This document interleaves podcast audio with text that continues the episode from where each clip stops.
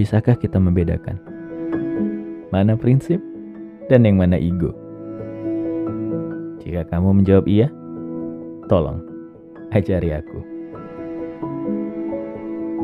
Bisakah kita memisahkan mana prinsip dan keras kepala?